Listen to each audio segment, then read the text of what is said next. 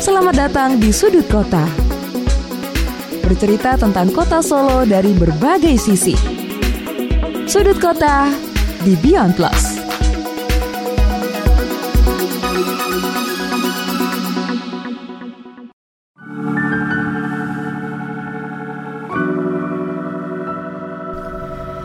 Hai, saya Senja Kurnia, tuan rumah dari Sudut Kota.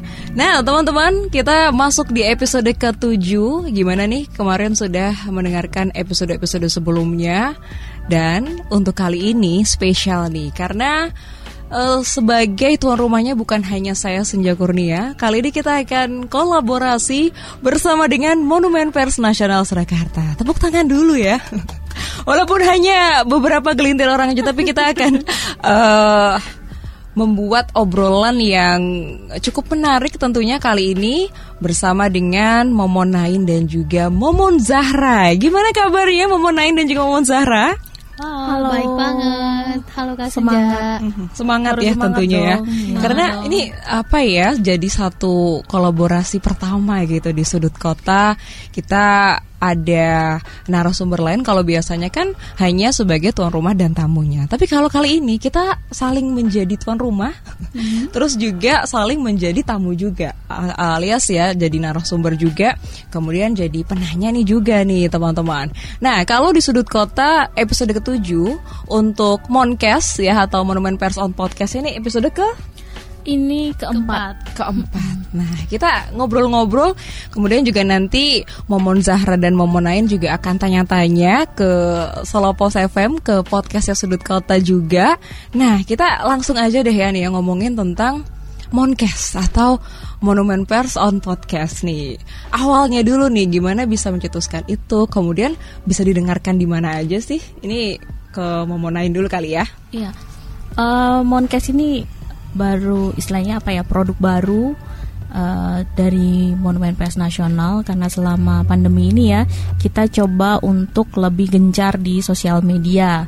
Uh, kita sudah mulai sangat aktif lagi di Instagram, Twitter, Facebook, dan juga YouTube. Nah, untuk diversifikasi konten nih, mm -hmm. kita mau nambahin podcast yang untuk saat ini kita namai Moncast alias Monumen Pers on Podcast yang juga tayang setiap uh, Senin dua minggu sekali ya mm -hmm. dua minggu sekali hari Senin namanya juga biar bisa jadi Moncast juga Monday Podcast mm -hmm.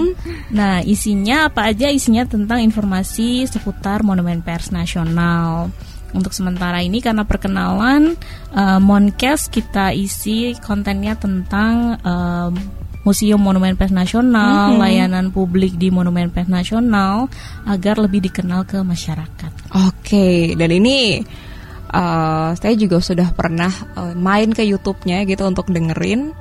Udah sampai episode ketiga dan yeah. cukup menarik. Jadi kalau misalnya nih teman-teman mau ada masukan ya, enaknya bahas apa atau informasi apa sih yang pengen diketahui dari Monumen Pers, bisa langsung komen ya di YouTube-nya Moncast. Di mana nih nama YouTube-nya apa nih? Monumen Pers Nasional. Oh ya, Monumen Pers Nasional bisa dicek nanti di sana teman-teman ya. Hai Momon Zahra, berarti ini ini ya orang-orang di balik layarnya Moncast gitu ya? Selalu di balik layar sih. di balik layarnya Mo Monumen Pers Nasional. Oke okay deh, gimana nih kalau Momon Zahra nih pengalamannya menjadi kru dari Moncast sendiri? Hmm kebetulan kan kita bikin podcast ini kan dari obrolan-obrolan ringan ya. Mm -hmm. Waktu kita lagi uh, meeting sama teman-teman umas gitu kebetulan kan sama Monain dan kebetulan kita emang karena pandemi juga mengencarkan sosmed itu kan paling penting banget ya buat gimana sih Monpes tetap eksis gitu di masa pandemi.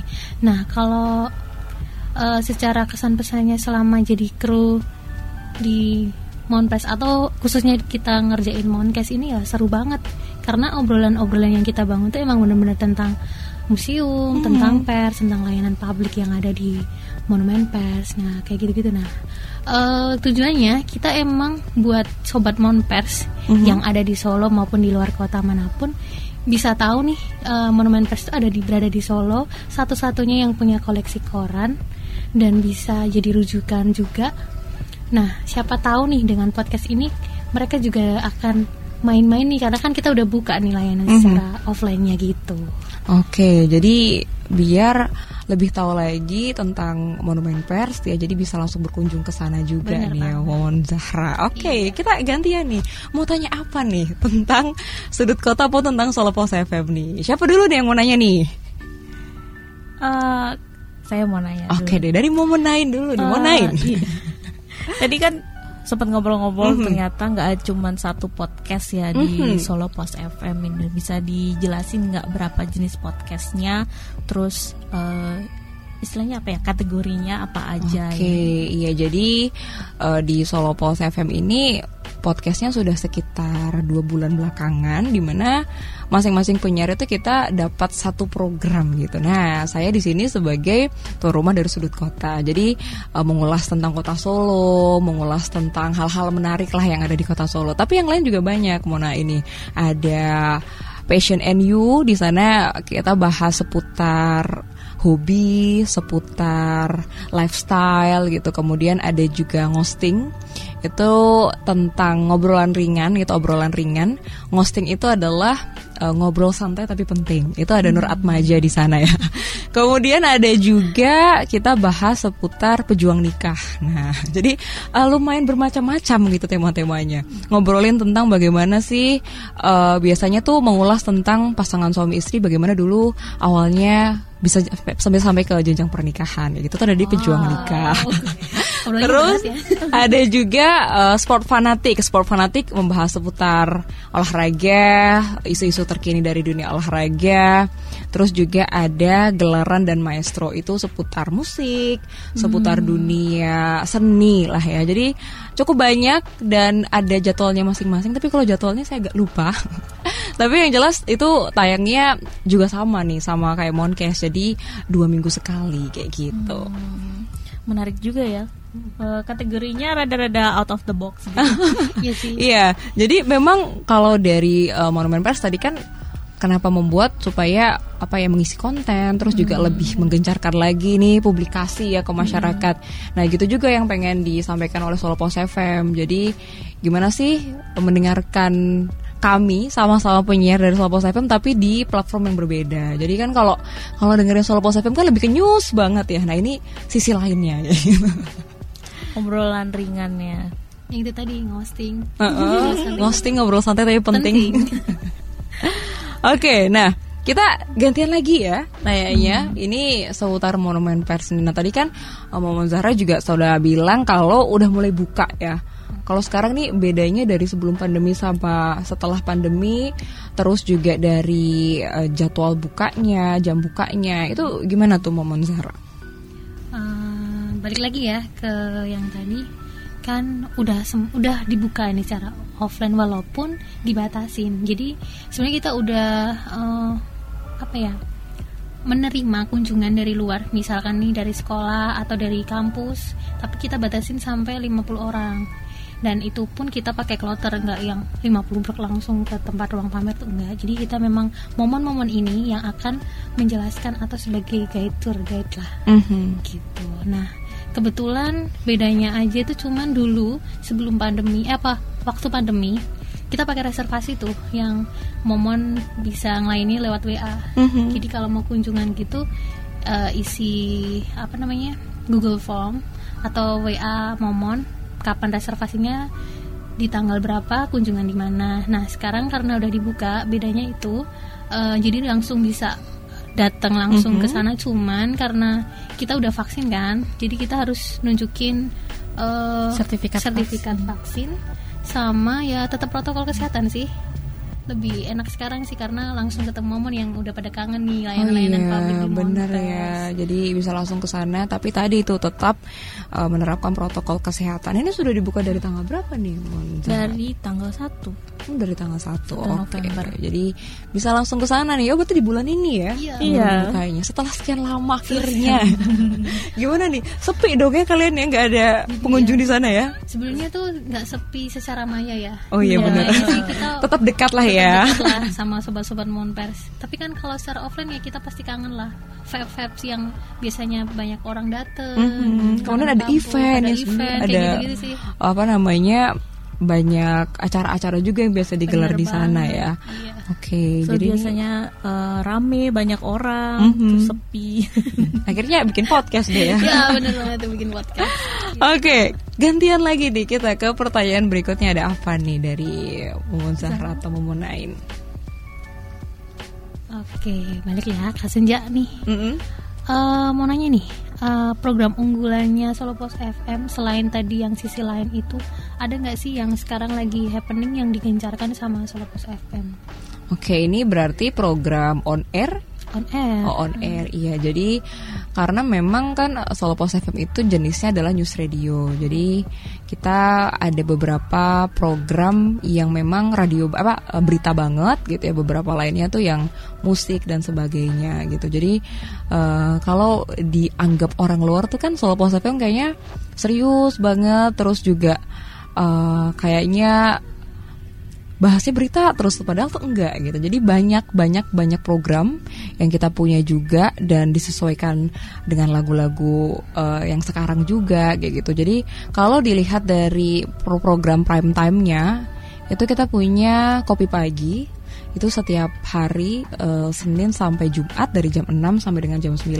di mana di sana kita nanti ada baca koran hari itu gitu. Jadi headline-nya apa? Karena kan kita satu grup ya dengan Solo Pos gitu. Jadi akan bahas eh, ulasan yang ada di koran hari itu.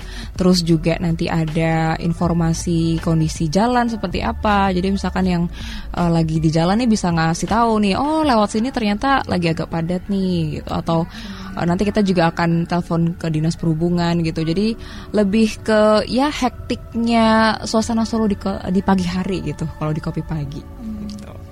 Menyambung dari masalah kopi pagi tadi ya, Mm-mm. kan menyerempet nih eh, koran hari itu. Mm-mm. Nah ini bagus banget nih bisa kolaps nih mungkin dengan monumen pers karena kan Oke. kita rujukan koran juga kan Mhm. pers. Nah itu apakah Solo Pos FM juga berperan gak sih menjadi wadah komunitas jurnalis baik di media radio atau di sisi program lainnya yang sekarang kita harus ngikut, ngikutin trennya anak generasi Z Gen Z kan Mhm. gitu. Iya bener banget sih Memang gimana caranya koran itu tetap eksis Karena walaupun sekarang kita tahu dunia digital juga sudah semakin berkembang ya.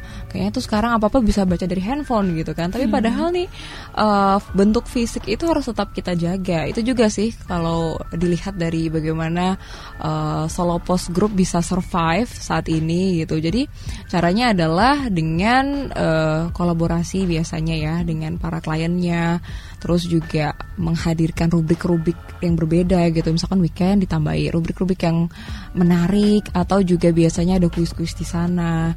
Kalau dikaitkan sama Solo Pos FM ya kita sebagai salah satu family group jadi anak perusahaan dari Solo Pos Group kita juga mendukung tadi ya dengan cara ya gimana caranya eh, kita memberitahu. Nah makanya di kopi pagi itu kan kita ngasih tahu nih ya cuplikan-cuplikan berita di hari itu supaya mereka eh, yang mendengarkan itu bisa lebih oh iya nih berarti untuk ulasan lengkapnya ini ada di koran Solo Pos gitu jadi bisa langsung baca lengkapnya di koran kayak gitu Jadi nih Kak Senja eh, bisa berarti koran Solo Pos itu Mhm. waktu di kopi pagi itu bisa nyambung lah dimasukin ke rubrik kita yang emang kita sebenarnya punya papan baca yang secara offline. Mhm. Jadi misalkan nih kopi paginya si Solo Pos ini tentang Solo, Mhm. bisa lah nanti collab sama kita Oh iya, korannya siap. dimasukin ke papan baca kita. Nah, kayak itu gitu. bisa juga nih karena Iya kan sih. eh, itu juga jadi salah satu ini ya media untuk bagaimana masyarakat tahu informasi di hari itu gitu ya. Oke, siap ya. Kalau kita kan di papan bacanya kita tampilkan secara fisik nih. Nah, misalnya nanti kita tambahkan secara eh, ini apa namanya info kan nggak semua orang juga akan datang ke Monpers Nah, untuk eh. baca. Bener banget.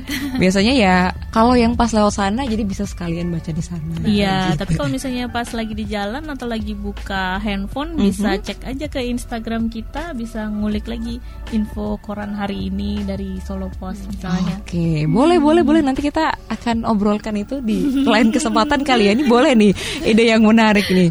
Nah, gantian ya dari sudut kota yang akan tanya ke Moncast. Ini nih kalau dari ini pengalaman pribadi sih. Dari dari zaman uh, aku kuliah dari zaman saya kuliah gitu ya dari uh, dulu tuh kalau ke momen pers pasti yang akan dicari adalah perpustakaannya. Karena nyaman, jelas nyaman terus juga bisa kalau istilah anak zaman sekarang tuh cozy gitu karena dengan pemandangannya Bener dari banget. sudut kota Solo ya di tengahnya itu kelihatan banget. Terus juga eh, kumpulan atau koleksi buku di sana yang lengkap gitu. Kebetulan nih eh, saya komunikasi. Jadi ketika di sana skripsian itu sampai sampai selesai. Jadi beberapa bulan itu memang di sana gitu. Nah, jadi eh, banyak yang menganggap yang boleh secara umum kita datang langsung ke sana itu kan di perpustakaan nih. Padahal kan ada banyak spot-spot menarik juga ya nih. Ada di mana aja nih? Kalau di Monumen Pers kita ada empat layanan publik ya, empat layanan utama. Yang pertama itu tadi papan baca Mhm. yang ada di depan gedung Monumen Pers Nasional menampilkan tujuh koran hari ini gitu. Mhm. Jadi koran hari ini kita pasang di depan untuk masyarakat yang lalu lalang di depan Monumen Pers Nasional bisa membaca koran secara gratis ya berarti di papan baca Monumen Pers Nasional. Mhm. Kemudian yang kedua ada layanan kunjungan museum. Jadi karena Monumen Pers Nasional adalah museum sejarah Mhm. di mana isinya tentang sejarah perkembangan pers nasional. Jadi masyarakat bisa datang untuk mengunjungi storyline Mhm. tentang sejarah pers dan juga perkembangan pers nasional di Museum Monumen Pers Nasional. Kemudian ada koleksi benda bersejarah pers juga yang bisa di- yang ditampilkan dan bisa untuk menambah eh, pengetahuan bagi masyarakat. Kemudian yang dua lagi itu layanan terfavorit adalah perpustakaan. Itu perpustakaan di lantai dua Monumen Pers Nasional sekarang sudah dengan wajah baru lagi nih. Wah, Jadi apa eh, nih yang baru nih dari perpustakaan Monumen Pers nih? Eh, layoutnya udah baru, perpusnya, meja kursinya udah baru dan lebih nyaman dengan dilengkapi wifi juga. Jadi eh, istilahnya apa ya, nyaman Lebih banget lah untuk tambah- nugas. tambah betah dong ya di sana ya. Jadi bisa Oh, kata betah. anak zaman sekarang itu instagramable oh, gitu ya. Instagramable. Oke. Instagramable. bener. Terus kemudian eh, layanan apa namanya bukunya juga ditambah lagi lebih banyak. Kita juga ke depannya akan menambah eh, fasilitas lain seperti perpustakaan digital dan lain sebagainya yang bisa semakin mempermudah pengunjung lah ya. Terus layanan yang terakhir yang juga eh, favorit banget itu Mhm. layanan baca koran e-paper di lantai satu di belakang gedung museum. Nah itu juga istilahnya apa ya? terfavorit, lah buat terfavorit sobat banget Monpers. buat sobat Oke. Monpers yang setiap hari karena padahal ruangannya tuh untuk sementara ruangannya masih kecil tapi kita udah menambah juga eh, enam buah PC yang Mhm. bisa untuk digunakan sobat Monpers untuk mencari artikel yang sudah kita digitasi ya. Mhm. Jadi nggak perlu lagi baca koran dari fisiknya, bisa di search aja di situ di ruang baca e-paper eh, koran mana yang ingin dibaca. Dan juga menariknya lagi, sobat Monpers bisa meminta kopi Hmm, dari nah artikel yang dicari. Ada satu lagi mau menain Apa nih? spot yang jarang nih Mm-mm. sobat Monpers jadi kita tuh punya rooftop sebenarnya Nah, ini nih. yang kalau mau selfie mau instagramable bisa tuh ke rooftop yang paling atas di lantai berapa lantai empat lantai empat ya Lantai empat ya. gitu. Di atas lantai 4 Nah, lebih. itu yang jarang-jarang banget mungkin mereka nggak tahu juga karena kita Kalian udah bosan di sana mesti ya? kan tiap hari ngantor di naik sana. turun naik turun. Cari ide-ide kreatif Nah. Bisa buat ini spot foto ya. Hmm, jadi spot foto dengan view kota Solo di rooftopnya Monumen Pers Nasional. Oke, nah itu tadi itu. Jadi teman-teman di sini jadi tahu ya kalau nggak hanya perpustakaannya aja yang bisa dikunjungi, tapi banyak spot-spot menarik, fasilitas yang disediakan dari Monumen Pers. Kalau perpustakaannya sendiri nih, sekarang dibuka dari jam berapa nih? Kalau sekarang seluruh layanan kita buka dari jam 9 sampai jam 3. Oke, jadi jam 9 pagi sampai dengan jam 3 sore ya. Nah, ini nih kalau tadi kan ada yang menarik. Jadi uh, rooftop tadi gitu. Itu apakah boleh dikunjungi untuk orang umum datang ke sana langsung naik kah atau kita harus meminta izin dulu gitu. Karena kan kadang tuh agak nggak enak ya kalau ini boleh apa enggak ya ke atas ya. Gimana Ya, nih Mas benar. Zahra? Oke oke. Jadi gini, sebenarnya itu layanan publik nggak publik ya, karena kita memang harus berizin karena kan eh, yang menjaga Safety risk. safety-nya. Jadi mungkin lebih ke sobat Montes kalau mau ke sana pun nginfoin ke Momon atau nanti Ke ditemenin nah, ke frontliner. Mhm. Nanti bisa ditemenin sama security kita waktu ke atas. Tapi sebenarnya itu layanan yang ya aku bilang tadi spot foto lah. Karena di situ ya kita misalkan nih anak-anak mau nugas nih di bo- di Mhm. perpus bosen bisa cari ide kreatifnya di atas misalkan kayak gitu-gitu sih Mau foto-foto Foto-foto dulu, dulu, kali aja buat healing lah. ide. Eh, Healing. ya. Apalagi Kalau kan sekarang tuh lagi hits banget ya kalau kita lihat dari ketinggian gitu ya bagaimana Solo. Itu mungkin nanti kalau misalkan sobat Solo Pos ke sana terus foto banyak yang tanya, "Ini ada di mana nih? Titiknya mana nih?" Benar banget kan belum banyak yang kenal. Ini belum banyak yang kenal dan ini boleh ya, tapi yang jelas tadi dong harus tertib ya, yang jelas harus berizin juga, tapi jangan khawatir, diperbolehkan tetapi dengan tadi izin dulu supaya bisa lebih aman juga ya naik ke atasnya. Oke itu ada hal-hal menarik ya yang bisa kita kutip ya. Coba kita gantian lagi nih, kayak dari tadi aku udah nanya terus ya ternyata. Aduh, Solo Pos ini kan ini ya, apa namanya udah dikenal tuh dari boomingnya tahun 97 98 ya. Pertama kali tahun 97 kan ya Solo Pos ini. Dan sampai sekarang itu masih eksis. Jujur eh, tidak banyak koran media cetak yang bisa bertahan segitu lamanya.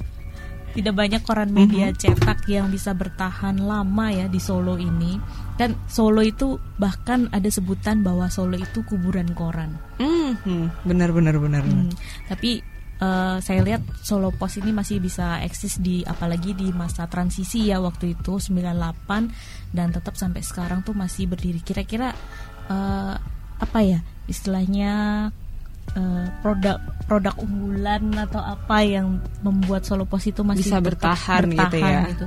Kalau Solo Pos FM sendiri itu mulai tahun berapa ya? Kalau Solo Pos FM itu dari 2004 ya. Jadi kita tahun ini 17 tahun. Jadi Solo Pos FM itu berdiri setelah eh, koran Solo Pos itu sudah ada tujuh tahun kayak gitu. Ya memang kalau bisa dilihat sebagai salah satu media group yang eh, ini bukannya saya memuji perusahaan sendiri ya, gitu. tapi memang cukup Ini eh, kuat ya. kali ini. cukup settle gitu bisa dibilang kalau di kota Solo tapi memang benar jadi kalau kita lihat ya bahkan dari sebelum pandemi pun kan sudah satu-satu berguguran gitu ya untuk perusahaan media cetak karena memang ya tidak bisa kita pungkiri gitu perkembangan zaman kemudian biaya yang dikeluarkan untuk mencetak biaya bahan bakunya itu kan luar biasa banyak gitu tapi kalau eh, yang saya rasakan gitu ya kenapa bisa bertahan? Karena memang kita terus inovasi bukan hanya dari satu produk aja jadi bukan hanya korannya aja tapi gimana nih caranya usaha lain itu bisa menyokong supaya koran ini tuh bisa tetap bertahan gitu. Misalnya ada digital kalau kita lihat kan Solo Post Group kan sekarang ada radio kemudian ada solopost.com di sana ada websitenya kemudian juga kita punya IO kita punya toko Solo Post juga dan yang paling baru ini dalam masa pandemi kemarin ya kita juga punya solo post food. Jadi cukup lengkap ya. Jadi kayak kalau dipikir-pikir ya memang harus begitu ya supaya bisa tetap bertahan. Istilahnya ya banyak yang harus dilakukan gitu supaya koran ini tuh bisa tetap terbit gitu. Ini menarik nih tadi mau nanya. Yang Solo Post Food terus eh, sama toko Solo Post itu gimana ya? Masih usaha kah atau Kalau toko Solo Pos tahu di bawah dulu Iya. tuh Tadi ya. jual ini ya souvenir, Uh, batik. souvenir terus ada batik iya jadi gitu. eh, itu masih dalam satu grup jadi kalau itu kita punya batik eh, etnik gitu ya jadi kalau misalkan berkunjung ke Gria Solo Pos teman-teman juga bisa langsung lihat jadi kan itu karena di depan ya jadi pasti kelihatan nanti bisa masuk ke sana kalau Solo Pos Food kita sementara ini ada ayam bakar namanya ayam eh, ayam panggang ayam panggang I'm in love namanya. Jadi la- lapar. Nih. Jadi lapar ya? Jadi lapar. Gitu. Jadi ya karena banyak usaha yang lain gitu yang bikin akhirnya bisa tetap bertahan. Itu diversifikasi produk. benar Hmm. Kayak juga ya. mm, kita juga di Monumen Pers meskipun uh, kita tidak menjual istilahnya uh, tangible product ya, mm, yang kita jual kan informasi dan juga pengetahuan bagi masyarakat. Itu pun istilahnya dijual secara secara gratis karena disebarluaskan ke masyarakat. Nah itu kita pun juga butuh diversifikasi produk. Salah satunya podcast ini juga Mhm. untuk sebagai platform yang baru bagi masyarakat karena kan nggak semua orang juga baca koran misalnya Mhm. makanya kemudian eh, orang juga bisa tune in ke Mhm. Solo Pos FM bagi yang Iya. tidak baca koran Nah, nggak semuanya juga bisa datang ke Monumen Pers, tapi bisa tune in juga di podcast. Nah, jadi Monumen banyak Pers. cara untuk keep in touch gitu ya. Bisa langsung uh, dengerin atau mungkin dari rumah juga. Apalagi pandemi ini kan semua sudah terbatas gitu. Kayak misalnya uh, kita kita juga di Gria Solo Pos ini baru dua bulan terakhir nih menerima tamu, menerima kunjungan. Karena sebelumnya juga ya cukup terbatas dan banyak yang WFH juga gitu. Jadi ya kita doakan kita berdoa semoga sama-sama nanti 2022 bisa semakin membaik lah ya. Amin. Boleh nggak sih nih uh, menyambung tadi nih Uh, uh, nambahin lah kan udah dapat diversifikasi produk ya Mhm. maksudnya tetap bertahan dan keren banget sih langkah-langkahnya itu nah kalau buat pasar Gen Z nih gimana sih uh, Solo Pos FM siaran radionya masih bisa diterima sama generasi yang sekarang dan misalkan pun untuk menanganinya atau langkah yang di- akan diambil tuh gimana sih biar Tips and Uh, triknya. Oke. Ya ini lebih ke itu ya kayak digital marketingnya ya mungkin ya dari Solo Pos FM yang gimana? Iya, ya memang kalau ngomongin tentang uh, survive di masa pandemi ini kan memang harus banyak cara gitu yang dilakukan ya. Kalau di Solo Pos FM sendiri, nah ini nih pembedanya. Kalau dulu kan kita tahu radio itu cuma bisa didengerin gitu, kita nggak bisa lihat. Dan akhirnya tuh muncul pertanyaan, emangnya sekarang masih dengerin radio? Banyak yang tanya kayak gitu ya bahkan ke saya pun nih oh punya radio nih emangnya masih ada yang dengerin ya? Gitu. Nah kalau padahal eh, sekarang radio juga berkembang jadi kita sekarang punya streaming yang nggak hanya suara aja jadi di dalam jadi sekarang tuh jadi penyiar tuh nggak bisa yang bener-bener kalau dulu kan kayak nggak mandi nggak apa-apa atau kita nggak nggak ini nggak apa-apa. Tapi kalau sekarang karena ada kamera yang on 24 jam di sana jadi eh, yang mendengarkan gitu ya bisa langsung buka di website kita nanti bisa klik bisa tahu oh ini ternyata kalau lagi siaran tuh bentukannya kayak gini gitu studionya kayak gini itu ada di sana. Terus juga kita punya beberapa program yang udah terintegrasi dengan media sosial lainnya gitu. Misalkan kita live Instagram terus juga sekarang itu kita punya namanya Rafis radio visual itu biasanya kita akan live di lokasi si klien gitu ya misalkan di hotel ataupun di restoran nanti bisa ditonton di YouTube juga secara live sambil siaran juga jadi paket-paket seperti itu sih yang kira membuat orang yang eh, nggak lagi dengerin radio pun tuh bisa menyimak kita dari gadgetnya masing-masing kayak gitu Lebih tangible sih sebenarnya malahan. Karena kan Iya. semua apa-apa handphone anak-anak zaman sekarang sih. Mhm. Keren ya terobosannya bisa ditiru juga di Monumen Pers belum kalau untuk yang on the spot tadi ya. Mhm. Mungkin next time ketika kita punya acara gelaran di Monumen Pers Nasional bisa juga nih kolaps kita itu. kolaborasi ya. Kolaborasi. Oke siap nih. Ini banyak ide habis ini nih ya. Oke, nah ini kalau dibagi sudut kota ini pertanyaan terakhir karena sudah 27 menit ternyata kita ngobrol-ngobrol nggak ya, nggak kerasa kerasa ya. Apalagi kalau seru kayak gini. Nah ini nih tentang sobat Monpers. Ini kan eh, saya ingat ya beberapa waktu yang lalu kan juga sempat siaran ya di Iya. jendela komunitas. Mungkin bisa dijelasin nih terkait dengan sebutan sobat Monpers ini. Terus kegiatan-kegiatannya apa aja atau gimana tentang sobat Monpers ini? Kalau awalnya Sobat Mon Pers itu adalah panggilan kita ya untuk para uh, pecinta museum khususnya Monumen Pers Nasional. Panggilan kesayangan Panggilan lah. kesayangan lah. Sama, soalnya kalau di Solopos sobat Solopos namanya. Iya, bener banget. Nah, Sobat Mon Pers manggil kita Momon, kita manggil uh, para follower dan juga pecinta museum itu dengan sebutan Sobat Mon Pers biar lebih dekat, semacam kekeluargaan.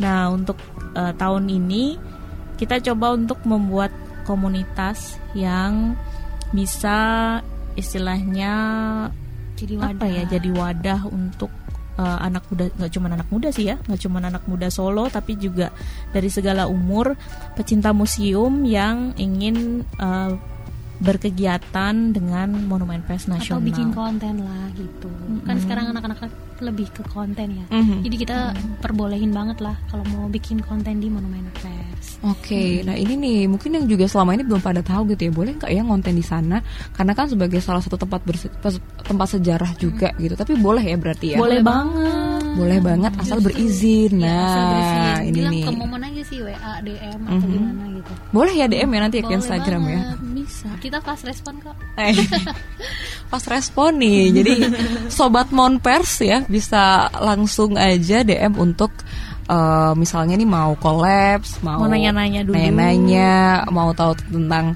uh, apa aja tentang Monumen Pers itu bisa langsung ke sana. Kita ada admin WhatsApp yang Mhm. bisa dihubungi juga di nomor 0811 250 5959. Nah, itu tuh bisa langsung WhatsApp Momon di sana ya. Iya. Kita tuh biasa siapa nih yang balas nih? Momon Zara apa Momon lain nih? Momennya banyak. Banyak. Momennya banyak. Ini hanya salah duanya aja ya. iya. Oke, wah sudah 29 menit nih Teman-teman terima kasih yang sudah mendengarkan Sudut Kota X Moncast atau Monumen Pers Out Podcast Yang eh, kali ini ada di episode keempat ya Iya. Di mana eh, berarti bisa disimpulkan ya Ini cukup lengkap karena kalau di Sudut Kota itu nanti bisa didengarkannya di Spotify Terus juga di platform podcast lainnya Misalkan Apple Podcast dan lain Tapi kita belum bisa di Youtube Jadi nanti Youtube-nya yang mau dengerin di Youtube Bisa langsung ke Oh, Monumen gitu. Pers gitu ya Baik. Baik, siap-siap. Siap-siap ya. Oke, terima kasih banyak Monain dan juga Monzara. Kita akan tunggu kolaborasi-kolaborasi yang lain tentunya ya. Sepertinya udah banyak nih listnya. Tinggal dieksekusi. Baik, sampai jumpa. Sampai, Sampai jumpa, jumpa. Kak Senja. Terima kasih. Oke, nah itu tadi ya untuk episode ketujuh Sudut Kota sekaligus episode keempat dari Moncast atau Monumen Pers on Podcast. Sampai jumpa di episode-episode selanjutnya dan akhirnya saya Senja Kurnia tuan rumah dari Sudut Kota pamit undur diri. Sudut Kota di Beyond Plus Tell the Truth.